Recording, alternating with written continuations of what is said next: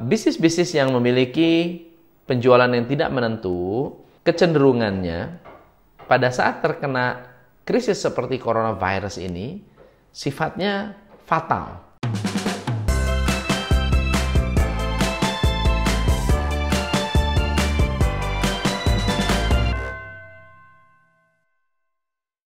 Selamat pagi teman-teman, selamat datang di video kita pagi ini. Bisnis yang sedang bertumbuh adalah bisnis yang sehat. Tetapi bisnis yang berhenti bertumbuh sedang menuju kematian sama seperti pohon. Pohon yang sehat adalah pohon yang terus-menerus bertumbuh. Meskipun ada daun yang gugur, tetapi ada daun baru yang akan keluar. Hari ini kita menghadapi masalah yang cukup serius dengan adanya coronavirus. Coronavirus telah mengganggu ekosistem sebuah bisnis, bukan hanya satu dua bisnis, tetapi ekosistem. Artinya saling mempengaruhi dan saling berhubungan. Teman-teman, walaupun ada bisnis yang bermasalah, tetapi ada banyak juga bisnis yang booming, mendapatkan manfaat dari problem ini. So, ada sembilan jenis bisnis yang akan terkena dampak besar. Saya akan start satu-satu. Satu adalah jenis bisnis yang tidak merancang program jangka panjang. Dalam sebuah planning, kita selalu harus tahu bahwa program bisnis tidak hanya boleh bertahan di satu jenis konsep, model, program, supaya Anda tidak hanya bergantung dari satu unit atau satu hal saja.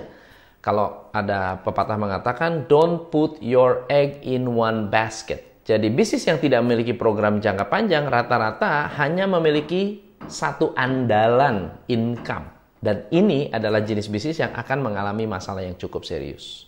Jenis bisnis yang kedua adalah bisnis-bisnis yang mudah turnover, tidak bisa mempertahankan karyawan yang bagus mudah turnover, dan tidak bisa mempertahankan karyawan bagus.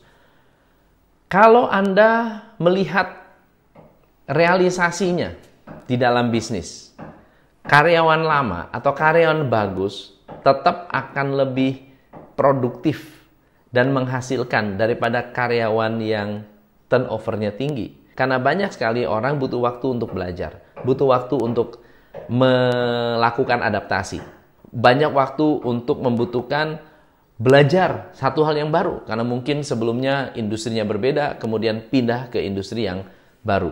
Kalau Anda tidak tahu atau tidak mampu mempertahankan karyawan bagus, maka karyawan-karyawan jelek akan bertahan di bisnis Anda. Nah, yang ketiga adalah jenis bisnis yang memiliki penjualan tidak menentu. Teman-teman, ada orang-orang yang senang memiliki bisnis yang tidak menentu secara penjualan. Jenis bisnis-bisnis apa? Bisnis-bisnis yang bergantung musim. Bisnis-bisnis yang bergantung dari project. Bisnis-bisnis yang bergantung pada uh, kondisi khusus. Bisnis-bisnis yang bergantung pada modal. Bisnis-bisnis yang bergantung pada uh, kapasitas atau kemampuan karyawan. Kalau orangnya lagi banyak, kita jualannya banyak. Kalau orangnya sedikit, jualannya sedikit. Uh, bisnis-bisnis uh, yang memiliki penjualan yang tidak menentu, kecenderungannya pada saat terkena krisis seperti coronavirus ini sifatnya fatal. Kenapa? Karena bisnisnya shutdown. Orang yang punya uang memutuskan untuk keluar dan tidak mau bertransaksi. Jenis bisnis yang keempat adalah bisnis yang menua dan tidak fleksibel. Saya pernah uh, mengcoach sebuah perusahaan, bisnisnya sudah 30 tahun, lebih banyak orang yang senior bekerja di sana, sangat-sangat luar biasa, setia banget, tetapi mereka cenderung tidak mau melakukan perubahan. Misalnya, sekarang ada Wiwin ya. Wiwin ini jualan lewat Facebook Live dan sangat sukses sekali, sangat laku sekali. Tetapi berapa banyak orang yang tidak mau menggunakan Facebook Live dengan berbagai macam alasan. Alasannya apa? Saya nggak suka di depan kamera, saya nggak bisa uh, tampil, saya nggak tahu mau ngomong apa. Padahal ada orang-orang yang menggunakan Facebook Live dan kaku-kaku awal-awalnya, tapi lama-lama kan belajar. Nah, bisnis-bisnis yang inflexible, bisnis-bisnis yang tidak mau regenerasi kemampuan akan mengalami problem. Lalu ada jenis bisnis yang tidak mampu mendapatkan karyawan yang ahli. Jadi kita selalu menemukan bahwa karyawannya kok memang setia sih, tapi waktu direkrut dari nol. Ada sebuah bisnis yang tidak pernah mau merekrut karyawan yang sifatnya lebih uh, berpengalaman. Jadi karyawan dari nol direkrut mulai dari level OB sampai direksi. Semuanya level 0. Dan mereka sabar membimbing sampai jadi pinter. Sabar sekali. Tapi pertanyaannya adalah, apakah karyawan-karyawan ini, baik itu manager atau leader atau supervisor, melakukan updating business knowledge secara konsisten? Apakah mereka memiliki update terhadap teknologi? Apakah mereka mau mengupdate kemampuan mereka? Bisa jadi teknik marketing Anda hari ini akan tidak efektif sama sekali. Bisa jadi teknik Anda melakukan efisiensi sudah tidak lagi efektif hari ini. Jadi Anda harus melakukan banyak sekali business update. Nah, bisnis yang tidak mau, bahkan tidak mau menemukan karyawan yang bisa mengadopsi skill baru akan mengalami problem. Lalu ada jenis bisnis yang ke-6 adalah bisnis-bisnis yang ownernya sibuk mengurus hal-hal kecil. Nah, jenis bisnis ini adalah bisnis ownernya sangat hands-on. Hands-on itu bagus, hands-on itu sangat tahu semua, semua diurusin, tetapi ketika berbicara soal strategi jangka panjang, owner ini kelabakan, kebingungan, dan akhirnya collapse. Lalu ada beberapa bisnis yang akan terkena dampak paling besar, yaitu bisnis yang kekurangan modal. Jenis bisnis yang kekurangan modal penyebabnya ada tiga. Yang pertama, karena terlalu banyak memberikan piutang, atau dengan catatan, dengan kata lain, bisnis ini mau bertumbuh, caranya memberi piutang. Jenis bisnis yang kedua, kenapa Anda kekurangan modal adalah karena terlalu banyak inventory. Jenis bisnis yang ketiga adalah karena Anda mengalihkan uang ke proyek lain yang tidak menghasilkan.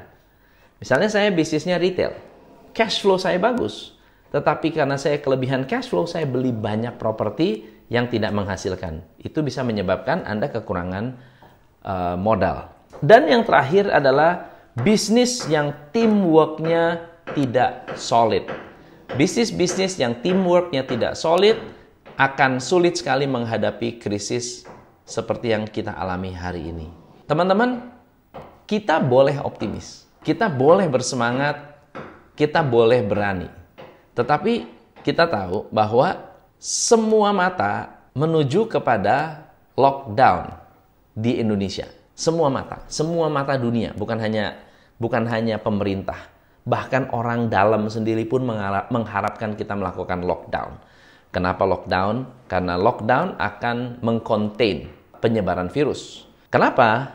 Karena virus yang kita sebut COVID-19 ini adalah virus yang tidak memberikan tanda-tanda. Jadi kalau saya sehat, saya terkena, saya ada virus di tangan saya, saya pegang tempat-tempat lain, orang yang imunnya lemah akan terkena sakit. Makanya jabat tangan pun jangan, ya cipika-cipiki jangan. Kemudian lebih bagus Anda diam di rumah. Hari ini saya kerjanya pun di rumah. Kebetulan ada banyak hal yang saya bisa kerjakan di rumah. Tetapi teman-teman, ada banyak bisnis di luar sana yang tidak bisa melakukan itu. Karena apa? Karena tidak fleksibel, tidak pernah punya contingency planning. Dan um, hari ini saya berharap teman-teman bisa melakukan satu transformasi yang berbeda. Ya, kalau ditanya apa itu krisis? Krisis adalah sebuah kejadian yang memiliki tiga syarat. Satu, mengganggu, berbahaya, mengancam. Mengganggu, berbahaya, dan mengancam sudah terjadi. Kalau mengganggu saya nggak ada masalah, tetapi berbahaya, berbahaya untuk banyak hal, anak, istri, keluarga, orang tua, mengancam juga. Mengancam artinya kalau kita tidak berhati-hati, maka kita bisa terkena. Dan dampaknya bukan hanya kesehatan, tapi juga bisnis, emosi, semangat, perubahan dalam hal ekosistem bisnis, ini semua menjadi masalah. Dan andai kata Anda ingin melakukan transformasi atau perubahan, momen ini adalah momen terbaik untuk melakukan transformasi. Momen ini adalah momen yang paling tepat untuk Anda melakukan perubahan. Karena jika Anda tidak siap, jika Anda tidak memiliki kapasitas, Anda menunggu sampai semuanya normal, sudah terlambat. Uangnya sudah habis. Strategi kita akan ketinggalan. Tapi saat semuanya sedang ketakutan, Anda melakukan transformasi yang bagus, inilah yang disebut entrepreneur. Dan hari ini Anda diuji.